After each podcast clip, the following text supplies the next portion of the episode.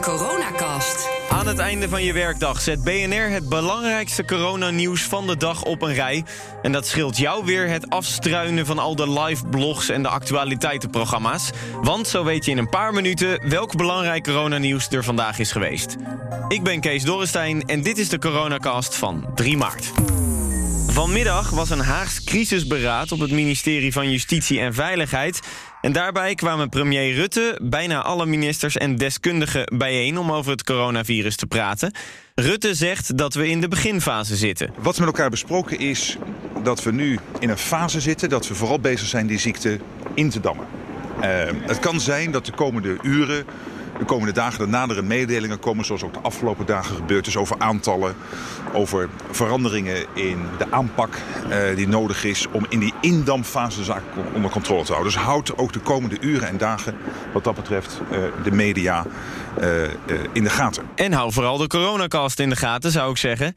Rutte vertelde ook wat de volgende stap gaat worden als de ziekte niet kan worden ingedampt. Daarnaast is het zo dat als die ziekte groter wordt, eh, het ook noodzakelijk zal zijn om na te denken over de vervolgscenario's. Daar wordt keihard aan gewerkt. Wat het dan precies is en wat je dan doet, gaan we u uitgebreid dan vertellen. Het kabinet heeft gesproken over noodscenario's en crisismaatregelen die eventueel genomen kunnen worden.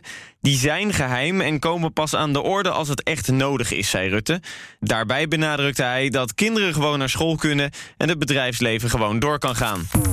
Dan naar het Rode Kruisziekenhuis in Beverwijk. Dat neemt voor onbepaalde tijd niemand meer op op de intensive care. Een eerste test van een patiënt op die afdeling bleek namelijk positief. En een volgende test moet nog uitwijzen of het echt om corona gaat.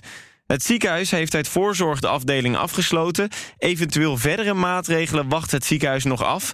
De zorg voor de overige patiënten in het ziekenhuis gaat gewoon door. Dit is nu al het derde ziekenhuis dat tijdelijk op slot gaat. Het Maastad ziekenhuis in Rotterdam deed dat gisteren al hetzelfde wat betreft de intensive care. En zondag kondigde het Beatrix ziekenhuis in Gorkum aan dat het helemaal geen patiënten meer zou opnemen voor onbepaalde tijd vanwege een coronageval. De Amerikaanse centrale bank, de Fed, die verlaagt de rente als gevolg van het coronavirus. Dat is nodig volgens de Fed om de economische klappen door de uitbraak op te vangen. Die beslissing kwam ook eerder dan verwacht. De Amerikaanse rente staat nu tussen de 1 en 1 en een kwart procent. En de Fed wil zo de prijzen stabiel houden en ervoor zorgen dat de groei van de economie in het land niet verlaagt. Dan even de feiten en de cijfers van vandaag. Vandaag zijn er weer zes besmettingen bijgekomen in Nederland, meldt het RIVM.